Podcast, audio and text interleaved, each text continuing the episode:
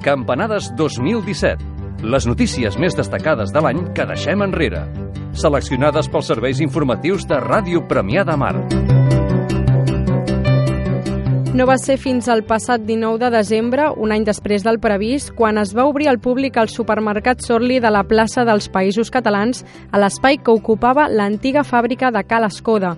Més que pel supermercat, l'edifici ha cridat la nostra atenció perquè al llarg de 2018 ha d'acollir el gruix de les dependències municipals, un fet que ha protagonitzat llargues negociacions entre l'empresa Sorli, constructora de l'edifici, i l'Ajuntament.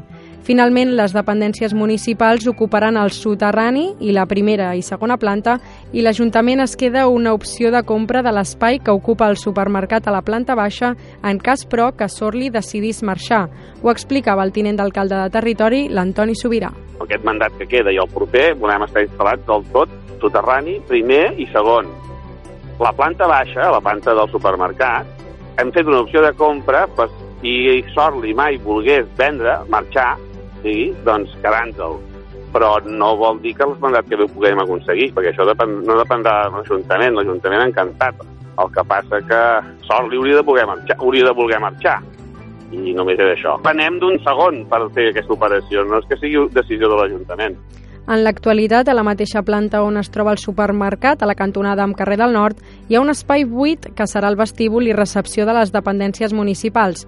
La futura UAC se situarà al soterrani, juntament amb l'arxiu municipal i una sala polivalent.